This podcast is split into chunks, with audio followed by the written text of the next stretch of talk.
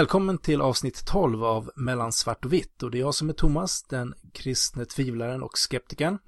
Och det är jag som är Dragan och står för den humanistiska livsåskådningen i det här programmet. Idag har vi en ny spännande gäst och det är ingen mindre än Per Eriksson, rektor på Lunds universitet. Välkommen till Mellan svart och vitt. Ja, välkommen. Tack ska ni ha så mycket. Och eh, jag tänkte bara om du kunde berätta lite kort vem du är för de som inte känner dig. Eh, ja, jag heter Per Eriksson och är sedan 2009 rektor för Lunds universitet. Dessförinnan så var jag generaldirektör och jag byggde upp en statlig myndighet som heter Vinnova, Verket för innovationssystem och eh, som finansierar forskning och innovation och har en budget på 2 miljarder per år. Dessförinnan så var jag rektor för eh, Blekinge Tekniska Högskola, fick vara med och bygga upp den från början, startade där 89 och var där i 11 och ett halvt år. Och dessförinnan var jag eh, vid Lunds tekniska högskola som en del av Lunds universitet. Forskare där och under den tiden och jobbade också med grundutbildningsfrågor. Eh, Svinnerkörsprogram inom elektroteknik, datateknik och teknisk fysik och drog igång eh, något företag också under den tiden. Mina Vad var det för företag? Single Control, ett eh, konsultföretag där vi var några stycken från universitetet som, som hjälpte till och så var det ett par anställda i det här bolaget. Okej. Okay. Eh, det var en del liv när du tillsattes som rektor kring att du var medlem i en eh, frikyrkoförsamling. Hur gick ja, det med det? Ja, det gick mycket bra tycker jag, men eh, det var väl lite förvånande att det dyker upp en diskussion kring att förena en kristen tro med att också vara forskare, vetenskapsman och rektor för Lunds universitet som är Sveriges största universitet. Eh, men den diskussionen gick ju mycket bra och den hade ju ett antal effekter. Bland annat den att jag blev väldigt välkänd, att det var jag som var rektor för Lunds universitet, att jag heter Per Eriksson och att det blev väldigt välkänt att jag också var kristen. Eh, och ehm, ni vet inom akademin så är man ju lite fåfäng och vill gärna vara känd.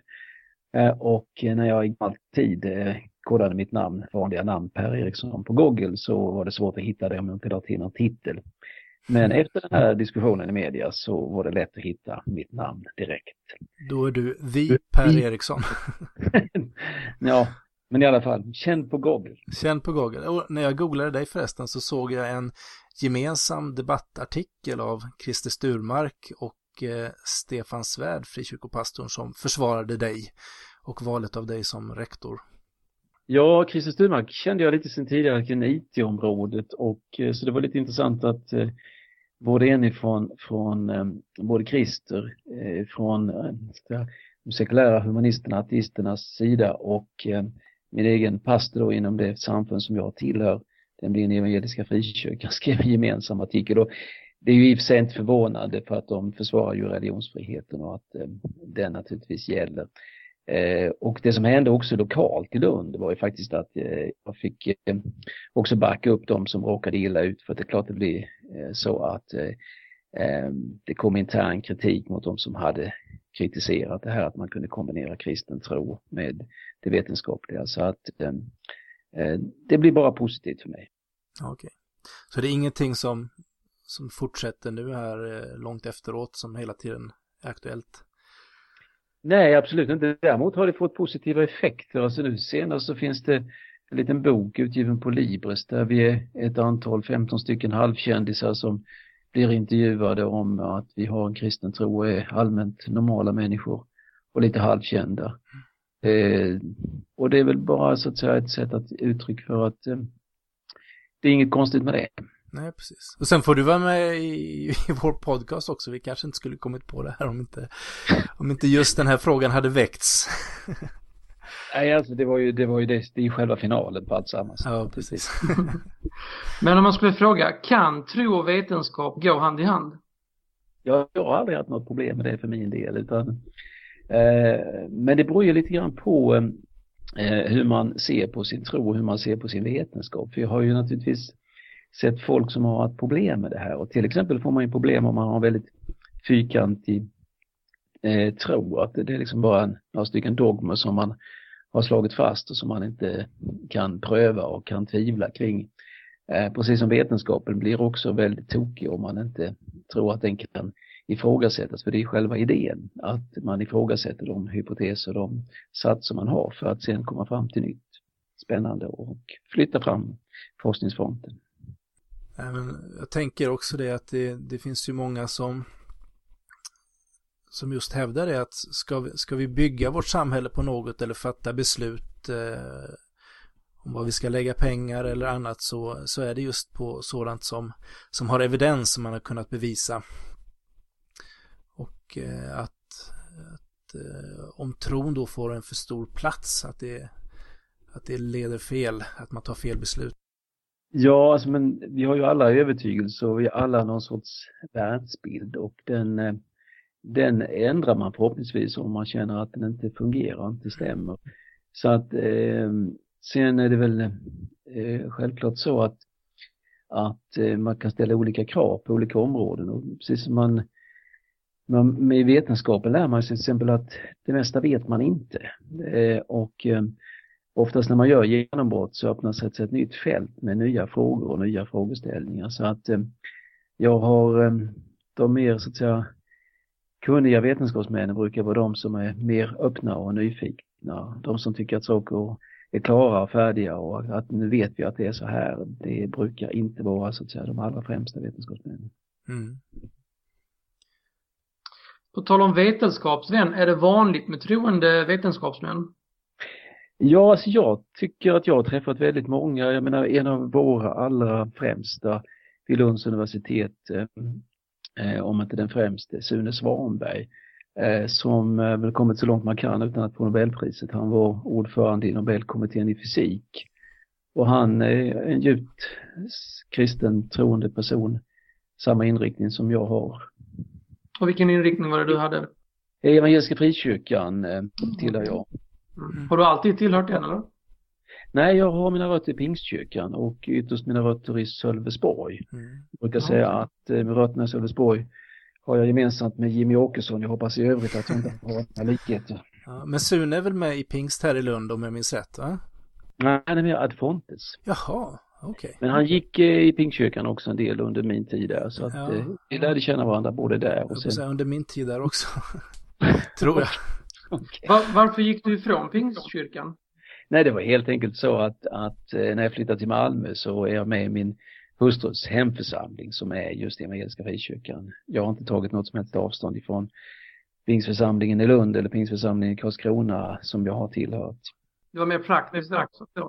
Ja, det är en praktisk fråga. Ja. Eh, alltså de församlingarna står inte långt ifrån varandra. Du har, när det gäller de kristna samfunden idag så är det nog mer större lokala variationer du kan liksom få. Vad är det som skiljer om man ska peka på någonting?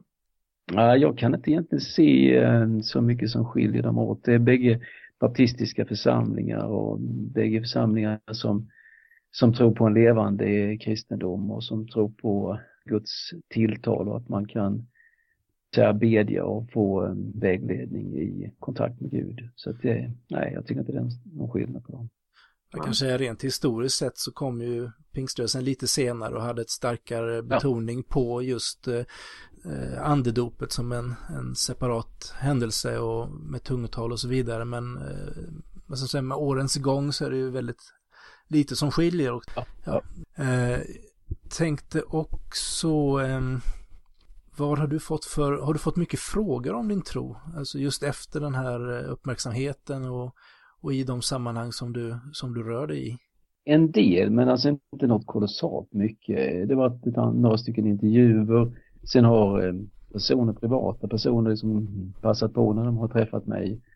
Inklusive eh, en journalist vid något tillfälle som sa till mig, du jag ska också berätta för dig jag är också kristen. Mm. Så att det dyker upp eh, samtal eh, med den grunden att, eh, att man är väl känd för att också ha en kristen tro. Fast man kanske inte... Så, så har det inte varit kring det. Nej.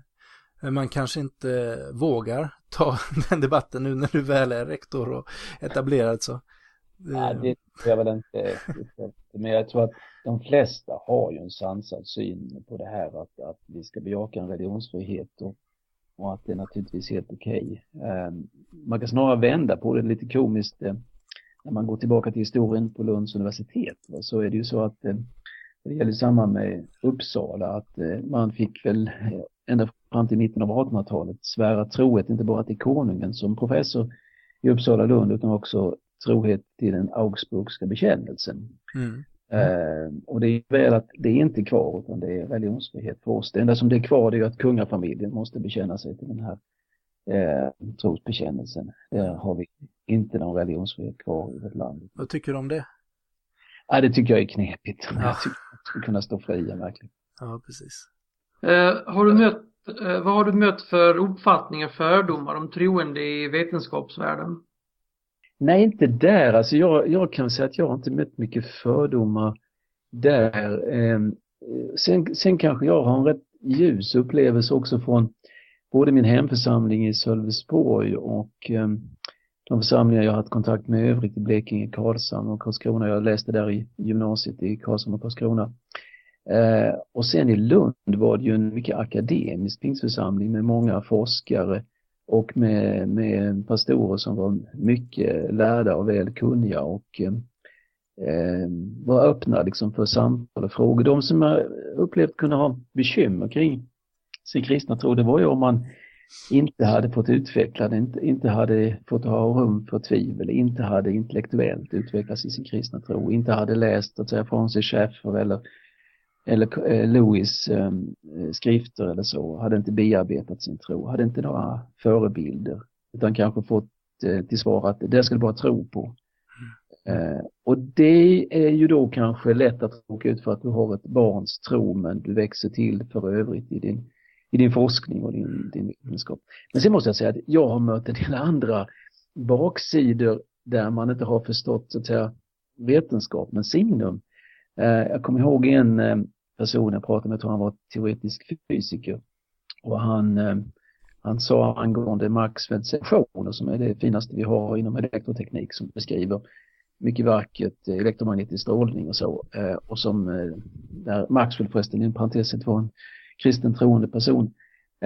De här ekvationerna de, de höll även för Einsteins relativitetsteori, var alltså invarianta där han behövde inte ändra på någonting och han sa då till mig så här att ehm, ja, de här, det, det här är vetenskap, det, så här är det. Ja men så du, du måste väl ändå mena att det är den bästa modellen vi har av verkligheten.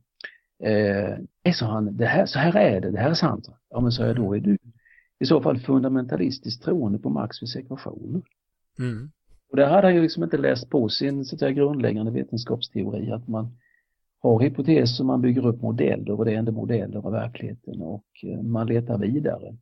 Eh, och, och därför måste man så att säga hålla en modell för trolig så länge den fungerar, så länge den håller. Och jag brukar själv göra det där väldigt, väldigt triviala eh, experimentet eller när man pratar om att du upptäcker att vatten kokar vid 100 grader och du prövar det på alla möjliga ställen, det funkar ända tills någon klättrar upp på ett högt berg och märker att det kokar redan vid 90-95 grader. Och då måste man säga att jaha, okej, okay, den teorin var väl bra, men vi får tillföra det här med eh, trycket också, lufttrycket, att det påverkar också vilket temperatur som vattnet kokar. Mm. Så utvecklas vetenskapen. För det är väl också här som vi troende ofta kan få mycket kritik, att man menar att ja, som vetenskapsman eller liknande så har man en hypotes, men sen när man får den eh, falsifierad så, så ändrar man sig. Men som troende så så har man eh, lätt en benägenhet att hålla fast vid sina dogmer. Ja, alltså då, då menar jag om, om, om det blir en sån dogmatisk kristendom, och det har jag förstått, det förstod jag på den, vi hade en liten debatt på Almedalsveckan nu, eh, vad heter hon, var det Lena Andersson som är med i, i de sekulära humanisterna. Eh, och det verkade som att hennes bild av, av vad kristen tro var, var den här väldigt dogmatiska beskrivningen och då, då kan man säga då, då hör jag inte heller dit. Mm. Eh, utan jag har en kristen tro som måste kunna ifrågasättas. Jag brukar ibland travestera eh, Tage Danielsson som man kan säga det utan tvivel är man inte riktigt klok. Eh, och man kan säga så här va, att utan tvivel finns det ingen verklig tro.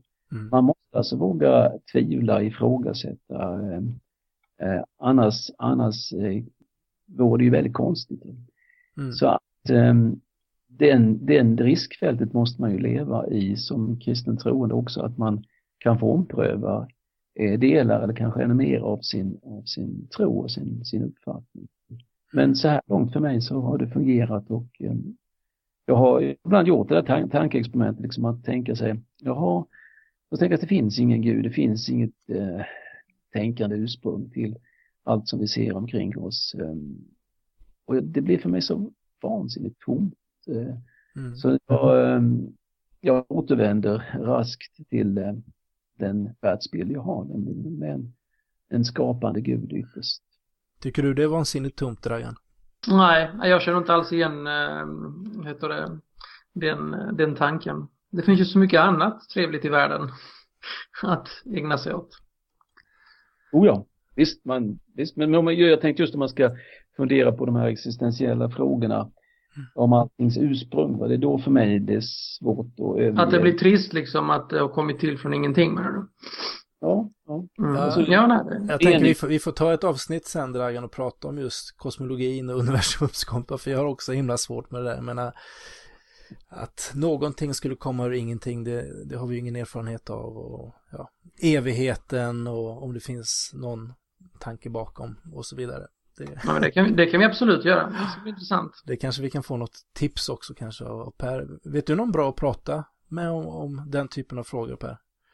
Ja, jag tycker Sune Svanberg skulle vara alldeles utmärkt. Mm. Eh, så att säga, han har då suttit i Nobelkommittén ett antal år och, och varit dess ordförande och eh, är en av vårt lands absolut främsta fysiker. Mm.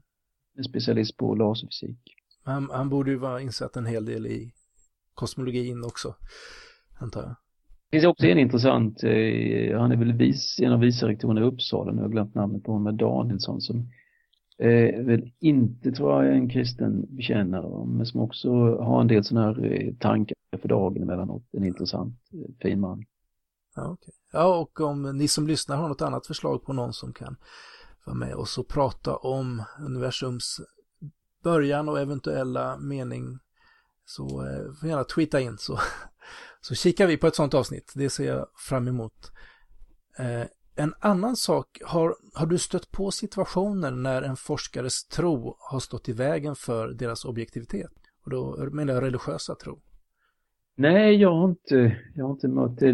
Det jag har, det jag har mött som har varit en del diskussioner kring, det har varit kring eh, en del synpunkter på den teologiska eller religionsvetenskapliga utbildning. vid, vid Lunds universitet, att det varit så att säga för nära samröre med Svenska kyrkan. Och, mm. Alltså, mm. Eh, där fanns nog lite fog för den kritiken. Man hade nog gått lite för långt i några sammanhang. Men samtidigt så får man ju akta sig så att man inte vågar studera de sakerna man ska studera. Mm. Eh, för som tekniker kan man då säga att ja men då eh, kan jag inte ha, men nu ska jag syssla med teknik, ja då kan jag inte syssla med det som ABB för då har jag bekänt mig till ABBs så att säga, ideologi. Jag kan inte syssla med Ericsson för får jag bekänna mig till Ericssons ideologi.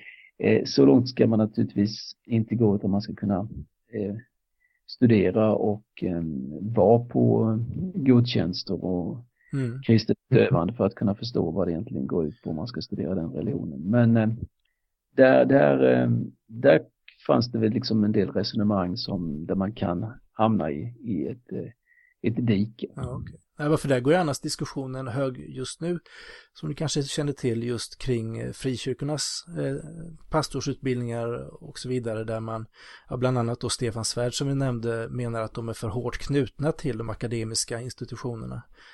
Eh, och att det ägnas för lite tid åt eh, just att ja, byggas, bygga sin tro och sin eh, ja, pastorstjänst på något annat än teologin. Nu har jag ju Ehm, inte fördjupat mig så mycket i detta, men jag kan säga att min, min, min, min grundläggande inställning är där att, att man ska nog ändå göra en åtskillnad så att man eh, inom universiteten har den här distansen till det man studerar och har den här kritiska granskningen och ifrågasättandet och så. Eh, sen är det alldeles, tycker jag, utmärkt om man har sitt pastoralinstitut. Eh, sen för den för den mer här, ideologiska skolan i det som den riktningen står för. Samtidigt som jag tror att det också är väldigt klokt att man kan bearbeta. Vi hade det under min tid i Pingstkyrkan i Lund så fanns det då ju studenter som läste teologi och vi pratade en del med dem och de hade ju då så att säga äldre teologer också som kunde bearbeta de frågor som, som kunde dyka upp så att man fick någon mer senior att eh, samtala med. Mm. Men jag, jag har även uttalat att när det gäller Försvarshögskolan så tror jag egentligen mer på den här amerikanska modellen att man att generalerna de ska gå på de vanliga universiteten och utsätta sig att säga, lära sig ordentligt eh, med olika ämnena och sen får de ha den här militära eh, utdannelsen, utbildningen för sig. Okay. Så att eh, härmed har jag då uttalat en uppfattning. egentligen inte tycker att man ska ha en separat försvarshögskola utan det skulle också vara ett pastoralinstitut. Okay. Tycker du det ser någon skillnad vad gäller attityden mellan tro och vetenskap i Sverige jämfört med andra länder? Eh, alltså inte mer än det här som vi kanske inte är så medvetna om att vi är ett väldigt sekulariserat land. Och att eh, i mycket när vi kommer i kontakt internationellt så möter man ju mycket mer eh, förståelse och eh, också att det är naturligt att både ha en kristen tro och ha, en, an, ha olika religiösa övertygelser. Och, eh, det, det, det kanske inte är så vanligt att, att vi då tänker på att det är vi som kanske är lite annorlunda än vad världen i övrigt är, att vi faktiskt avvikande åt, åt det ena hållet, eller i alla fall tillhör en, en, en, en grupp av länder som är relativt sekulariserade. Mm. Du berättade här att du hade varit eh, på en debatt på Almedalen där med Lena Andersson och att du var aktiv i, hade varit med om någon bok som, som hade skrivits. Eh, har du, varit, eh, har du varit med i andra sammanhang där man har debatterat den här typen av frågor som vi har pratat lite om här? Ja, i mindre uppfattning varit, alltså, men det, det har ju varit i, inte några hetsiga debatter på något Nej. sätt. Det var, I några kyrkor varit och talat i Helsingborg och, och då har man haft lite frågestunder efteråt. Eh, och jag var väl i en av studentföreningarna här i, i Lund och mm. talat.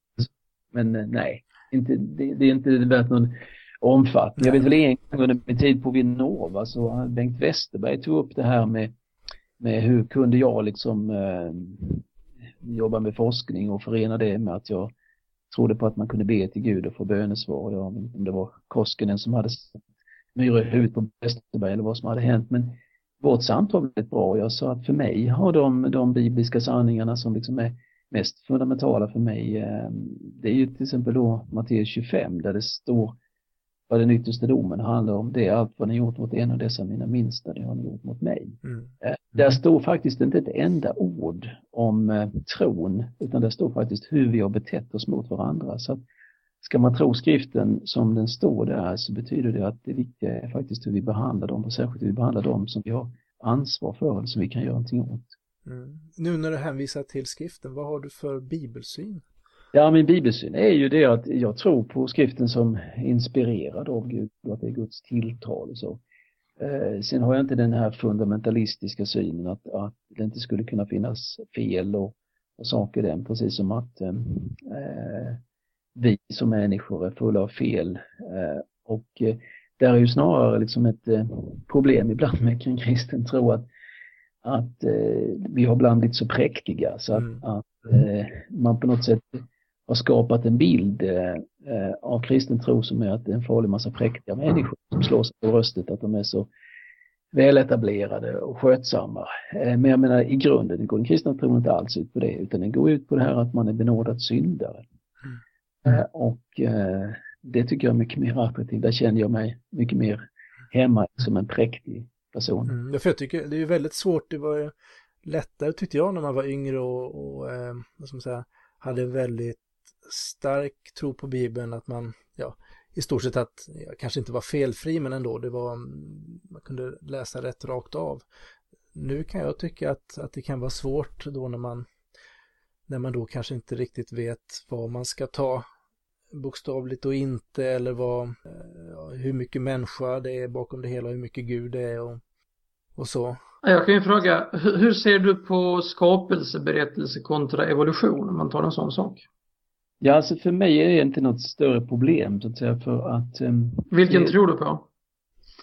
Alltså det är upp till Gud och han har velat göra det hela um, och uh, det, det, jag ser inte någon, eh, någon stor motsättning mellan dem. Eh, om du tittar på skapelseberättelsen i, eh, i Gamla Testamentet i Första Mosebok så, så den ordning som saker och ting beskrivs där påminner mycket om den ordning som man tänker sig också i den, den ja, utvecklingsteorins värld, att, att det går till, kunna gå till. Men jag har inte fördjupat mig liksom i, i de frågorna. Jag ser inte det heller som, som fundamentalt avgörande. Det som jag ser som avgörande det är den här tron på att det finns en skapare. Mm. Och sen hoppar jag väl, jag hämtar mycket lärdom ifrån gamla testamentet men det finns mycket som jag anser att eh, eh, Eh, vi är befriade från i det nya testamentet. Alltså vi är befriade från Ta detta till exempel där Jesus ställs inför eh, synderskan och eh, hon ska då stenas enligt Gamla Testamentet. Och Gamla Testamentet är ju liksom i mycket de samma lagar som, som finns i, i muslimska traditionen. Och han säger då eh, att den av er som är utan synd, han kastar första stenen. Och där förkunnas liksom en, ett nytt budskap i, i uh, Nya Testamentet och det är det jag förhåller mig till. Mm. Det finns för övrigt som jag kan få tillåta mig det en, en här eh, rolig judisk historia. Jag har lärt av mina judiska vänner som jag till och med återberättade en gång var i ett forskningsprojekt nere i Israel. Eh, och där, där är det den, eh, de har ju kolossalt mycket humor och driver med sig själva eh, och sin, sin, eh, sin tro och sin övertygelse. Och där, där är det då den eh, eh, rabbinen som i sin bön till Gud är så förtvivlad för det har drabbat honom så fruktansvärt Eh, en sorg och Gud vill ju ha det över hans läppar. Han vet ju vad det är men eh, han måste säga det. Och jag säger att det är så svårt för mig för det gäller, det gäller min familj och det gäller min, min enda son. Ja, säger Gud. Säg det då vad det är med din son. Ja, det är så fruktansvärt. Han, min enda son, han har gått och blivit kristen. Och då responderar ju Gud att ja, det kan jag förstå att det är svårt för dig, men jag kan berätta för dig, samma sak har hänt mig. och då, då så den här rabbinen upptäcker, jaha Gud, har, har, du upplevt detta? Har din son gått och blivit kristen? Men hur hanterade du det? Kanske jag kan lära mig något av det. Och då, då, då svarar Gud, ja det var inte lätt. Eh, och, men till slut så fann jag att den enda lösningen var att jag var tvungen att skriva ett nytt testament. det är det här nya testamentet jag håller mig till. Okay. Ja, det var inte, lösningen var inte att hänga upp honom på ett kors och låta honom dö. Nästan väntade på den poängen. Den kom lite senare. Ja, precis.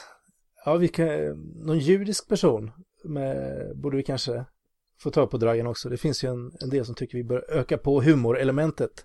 Så det kanske mm. är eh, lösning. Det är alldeles, man måste ha den här självdistans, man måste ha den humorn. Det är faktiskt, vi gläds åt det vid Lunds universitet att vi har, vi har det i våra värderingar. Så står det också att vi har humorn ingår i våra värderingar. Du, vi pratade lite innan om, vi nämnde just det att eh, att kanske som här i Lund som ett exempel så, så eh, vad ska man säga, det frikyrkliga klimatet är rätt så akademiskt. Eh, och på, säga, på andra ställen i Sverige så, eh, eller på sina ställen så, så har man kanske inte lika mycket insyn i hur vetenskap och annat fungerar. Ehm, är det, är det något problem, tycker du? Att man kanske växer upp med en lite knepig vetenskapssyn inom den frikyrkliga ankdammen.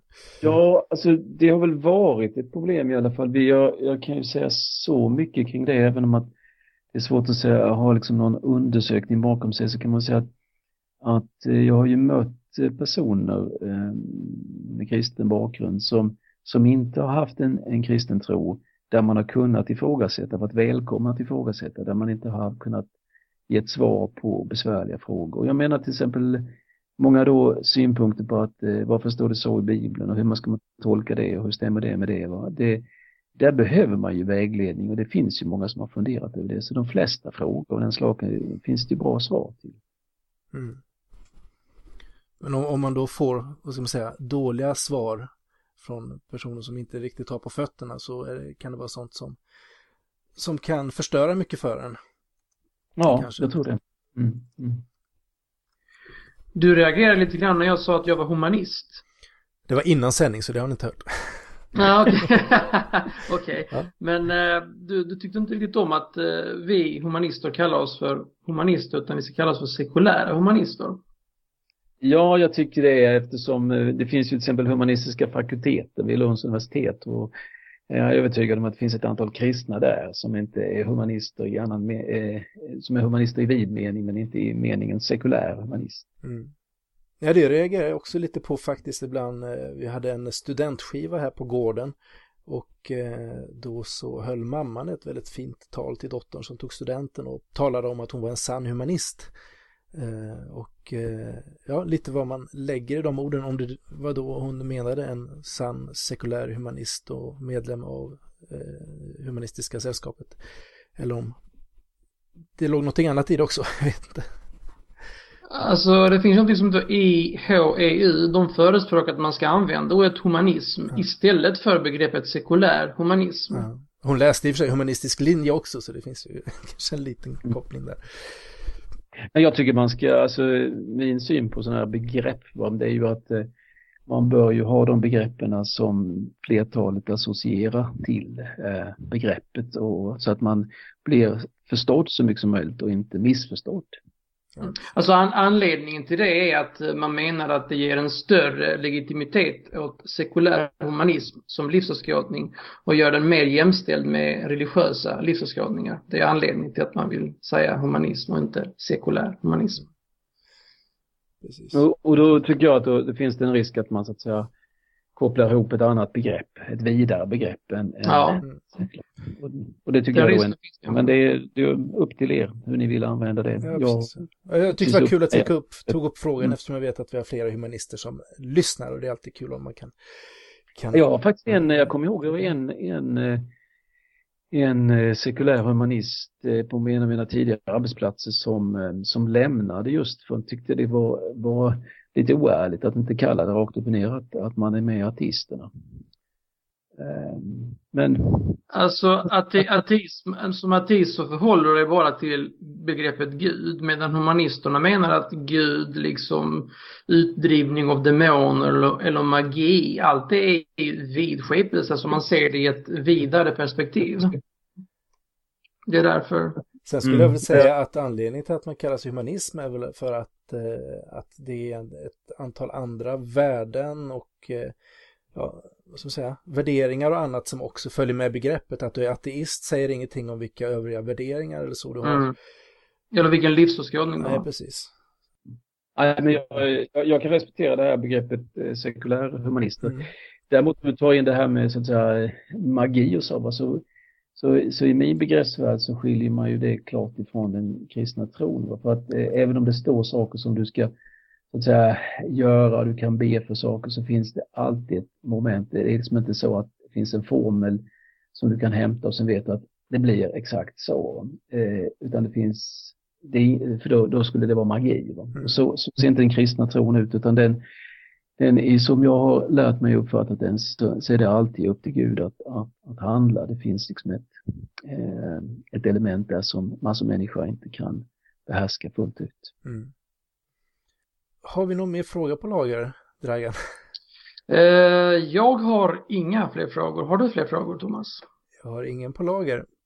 Eh, Men då kanske vi ska runda av lite grann här, eller? Ja, Har du någon slutkläm, Per? Något eh, som du vill säga våra lyssnare? Nej, ja, jag kan ta en. Som, eh, jag tror det var John Hedlund som hade ett, eh, ett studentmöte här i, i Lund eh, där han hade satt rubriken eh, tro sig vara vetande eller veta sig vara troende. Och för min del då så, så vet jag att jag är troende och sen kan jag kanske ibland tro att jag vet saker och ting men Eh, det är viktigt att man, man eh, kan ha en viss åtskillnad på detta. Mm. Eh, och också inse begränsningen med, med den vetenskapliga teorin och det vetenskapliga förhållningssättet. För att det, det man lär sig av det är ju att det återstår väldigt mycket frågetecken och flertalet av, av avancerade vetenskapsmän har en väldigt ödmjuk och, och nyfiken inställning. Och vet att det finns väldigt många frågor och saker som inte är så enkla att förklara. Det finns många roliga Einstein-citat till exempel att eh, man kan inte skilja skylla gravitationen på att två människor dras till varandra och älskar Nu kommer jag faktiskt på en till, kanske lite snabbt. Hur stor grej var det för dig just det här med Higgspartikeln som hittades till 99,98 procent eller något sånt där? Nej, inte mer än att det var ett antal artiklar kring den och att det har ju funnits så att säga med i teorin sedan rätt långt tillbaka och att man har haft väldigt svårt att, att visa att den finns. Det, där finns ju eh, Eh, det är väl bara en bråkdel av liksom eh, den massa som man ser eh, som universum måste bestå av. Så det har varit ett av de stora frågetecknen och det är väl då lite grann besvarat i att man faktiskt då, den här teorin kring Higgspartikeln, att den faktiskt då eh, ser ut att, att stämma. Mm. Sen är det ju lite uppskakande, man, blir alltid, man är alltid lite sådär, liksom, det, ja, det är ett experiment och, och det finns kanske frågetecken. Jag vet inte om ni kommer ihåg, så det var inte så länge sedan så det gick ut som en braskande nyhet att nu hade man upptäckt ett fenomen som gick snabbare än ljushastigheten. Jo, det känner jag till. Ja. Ja, och det mm. visade sig vara liksom felkopplat, felmätt och eh, inte sådär alldeles kul om man basunerar ut en sak och sen visade sig med aj aj. Det var väl lite så också att de basunerade ut att hjälp oss, det här, det här kan inte stämma. Så fick, eh... Ja. Så att, och, och det, det, på något sätt så illustrerar det väl också det här sökandet efter kunskap efter med och också hur, hur, hur pass bräcklig den kan vara och att mm. faktiskt själva fundamentet är att man, man söker vidare. Mm. Det, är en process, det är en process alltihopa kan man det säga. Det visar ja. väl också på ja. hur, eh, alltså, att den vetenskapliga metoden är på något sätt sund och fungerande. Att den... Mm. Och för mig jag ha min kristna tro också så att den ska kunna kritiseras, den ska kunna vara öppen, den ska kunna omprövas och, och, och skulle det kännas att, att eh, den har allvarliga fel som inte fungerar i praktiken för mig att, att praktisera så, så får man naturligtvis överge de sakerna och gå vidare. Mm. Apropå, nu kommer jag på en fråga till här när det gäller din kristna tro. Hur ser du på himmel och helvete och den biten?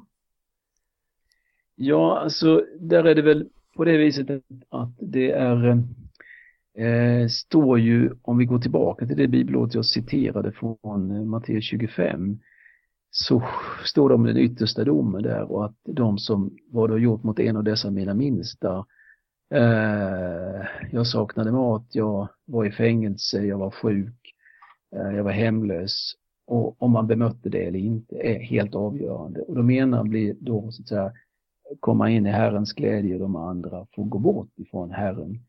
Eh, sen i detalj vad det ena innebär det andra, det, det vet vi ju väldigt lite om. Mm. Men om man är ond hamnar man i helvetet och är man god hamnar man i himlen. Eller det är inte så enkelt. Ja, så är ju beskrivningen. Men mm. sen vad, vad, vad, är det? Vad är ju liksom ja, nästa, ja. nästa, fråga. Va? Alltså det, det som, eh, jag tror den, det, det, alltså min bild så är ju det här skiljandet från, från sin fader, från sin skapare. Eh, kommer vara det som är det djupas va? och den andra upplevelsen av att få, få komma hem. Eh, som är den positiva då med tron på en himmel. Mm. Ja. Okej. Okay. Mm. Vi får hålla där. Ja men, och, tack så mycket. Tack så hemskt mycket Per för att du var med och eh, ni som har lyssnat också så återkommer vi nästa vecka med något eh, mycket spännande. Det kan jag lova. Så att tack för att ni lyssnade och hej då. Tack så mycket. Hej då. Tack, hej. hej. Men om ni inte har fått nog än så tänkte vi ha lite eftersnack också med vår kära gäst. Så häng med. Ja. Yeah. Men du får nu ta om det, det lät konstigt. Okej, okej. Okay, okay. mm. Vad tycker jag ska säga då? Nej men ta det, det blev inte så flytande. Du får bla bla på lite grann. Det blir liksom hackigt. Mm. Ta det en gång till. Okej, okay, men hur tycker du, hur ska man göra det bäst? För man vill ju inte okay, att folk jag, jag ska, man vill ju inte att folk ska liksom sluta lyssna. Nej, det är ju sant. Eh, jag, jag, ska testa en grej för att se om det funkar. Okej. Okay. Och för er som inte har fått nog så har vi faktiskt eftersnack den här gången. Det glömde jag säga va, men det, det finns ju det finns, eh, finns ju en, en sida eh, och den är väl inte på Twitter för den är väl någorlunda modererad men, men i de här kommentatorfälten i tidningarna mm. Så, lärde man sig ju ganska snabbt att det, det där ska man inte läsa. Nej. För man tappar, man tappar tron på mänskligheten. Ja, det är ju samhällets baksida. Man kan ju bara säga ja, att det var ett, det var ett ja. bra drag av Aftonbladet att lyfta in Facebook som kommentatorsfunktion. Eftersom det sätter väl lite sordin på det värsta. Ja, det, ja. Så, så är det ju. Har de gjort det? Ja, ja. För, att, för det, det, det, var en sak som dök upp i den här eh, debatten kring mig. Alltså där, där dök ju saker och ting upp och, och, och det, det, har ju, där kan man säga att i den typen av fält när det varit debatt och diskussioner i helt andra frågor så, så, dyker det upp och där har ju mitt kommunikationsfolk sagt till mig att, att läs inte det. Va? Det, och det, det gör jag i regel inte. Sen någon gång tittar man in ändå. Va? Men, men som sagt var, där, där, där tappar man lite grann tro på mänsklighet. Ja, ja det kan jag hålla med om. Ja. Gå inte in på Flashback heller då. Nej, nej, nej, jag vet. Skvaller. Eh, men, men där, där, eh, där kan man säga, där pratade jag med Christer Sturmark lite grann för att där kan man säga att det finns, eh, när vi pratar så vidare, alltså där finns en, en, en, ett, ett ömsesidigt ansvar faktiskt för så vettiga kristna och för, för er från den tänkande sekulära humanismen. Det är en sorts renhållningsarbete. Alltså det får ju inte, vi, vi råkar ut som kristna för att att det som kommer igenom i media är, är de här stollarna. Mm. Eh, och, och, så tror man liksom att ja, sådana är de nog allihopa. Va? Och så blir man mm. förknippad med några galenpannor.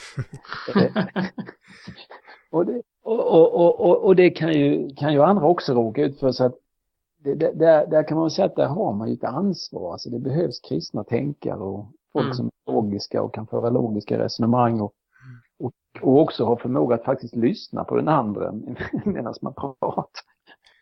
Ja visst, nej men det, det, blir ju lätt så att man, man lyfter upp de här extrema exemplen bara för de är ju väldigt mediavänliga och väcker en massa känslor och så vidare. Och sen mm. blir det den bilden som sprids. Det är som jag blir väldigt förvånad ibland att eh, folks sinnebild för frikyrkan är egentligen eh, ja, klipp från Livets Ord på 80-talet att det har fått en som väldigt stark eh, liksom, fäste i folk. Ja. ja det, så.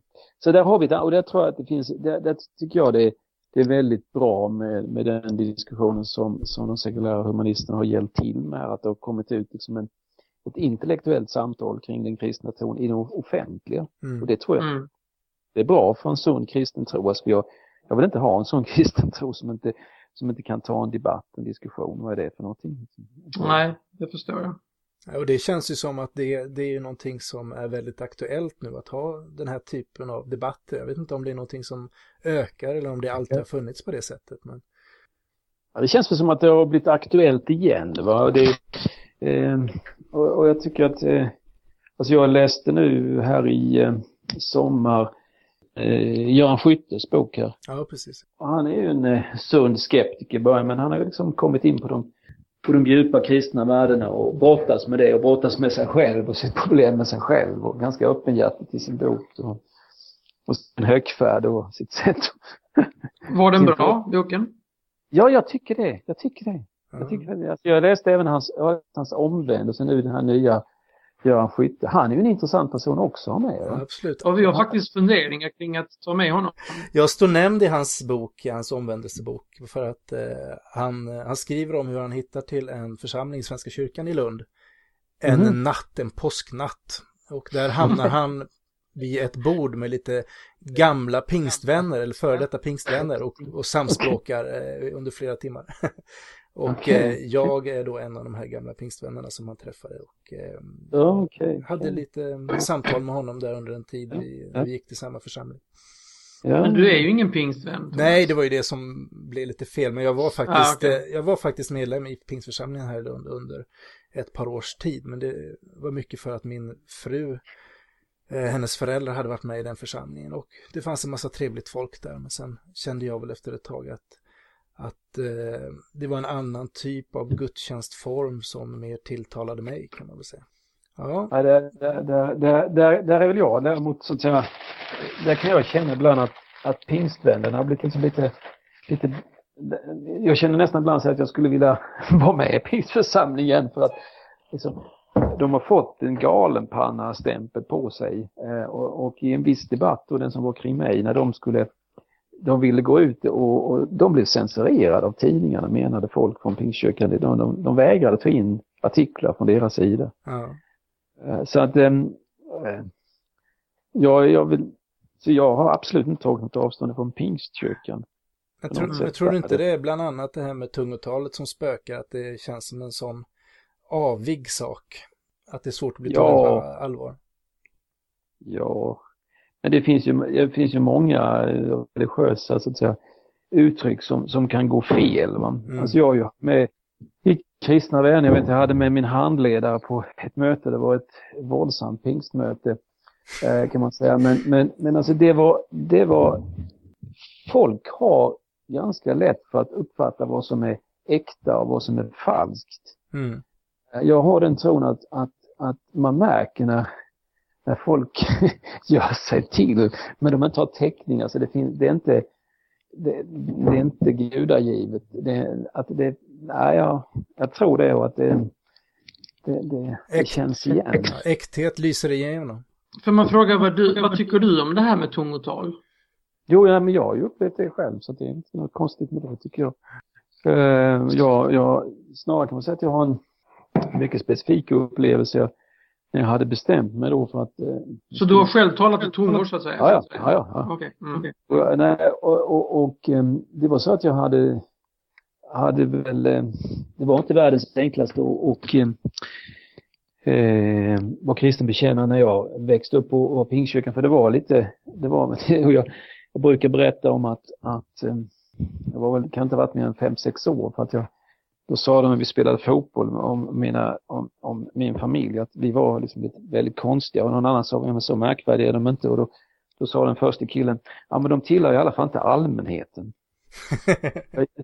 och jag gick hem då till mina föräldrar och frågade, vad är allmänheten? Så jag kan inte varit så, så gammal. Och, och när jag då vid 12 års ålder liksom var på ett möte och var Emanuel Min som talade i Karlsson. Jag liksom bestämde mig att nej, nu ska jag ta det här på allvar och, och, och att jag har en kristen tro.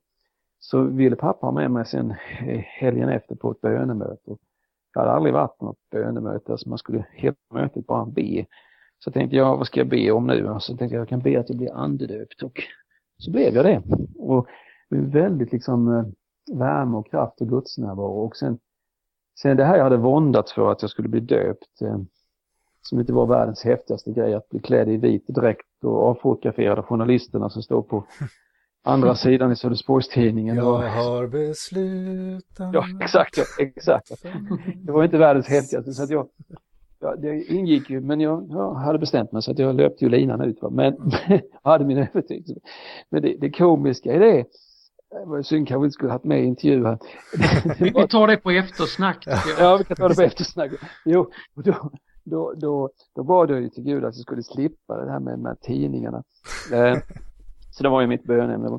Och sen, sen är det ju så då, det här skedde på vintern, att eh, eh, då passar ju pastorn på liksom att man har alla journalisterna där att, att ge dem en rejäl predikan. Eh, för att då har, har, har han ju journalisterna samlade.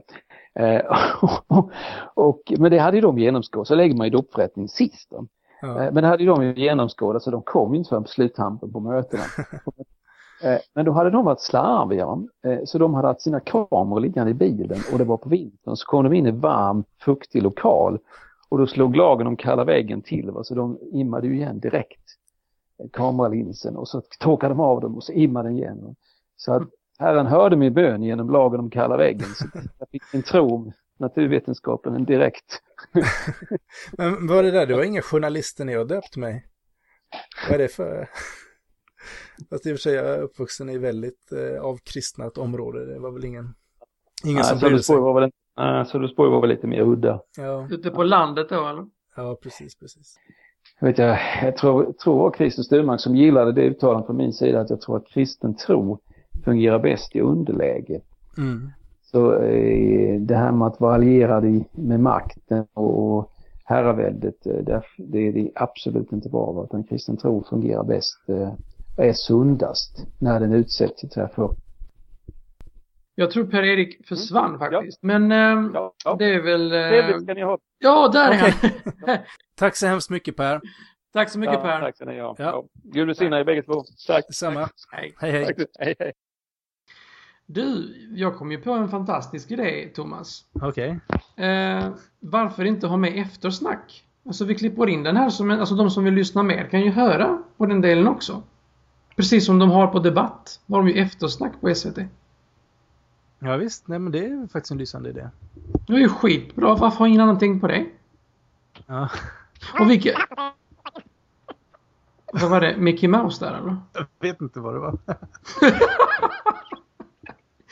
ja, ja, ja. Men, men Per Eriksson är nog kvar tror jag. jag bara tycker jag. Hej då. Hej då Paris.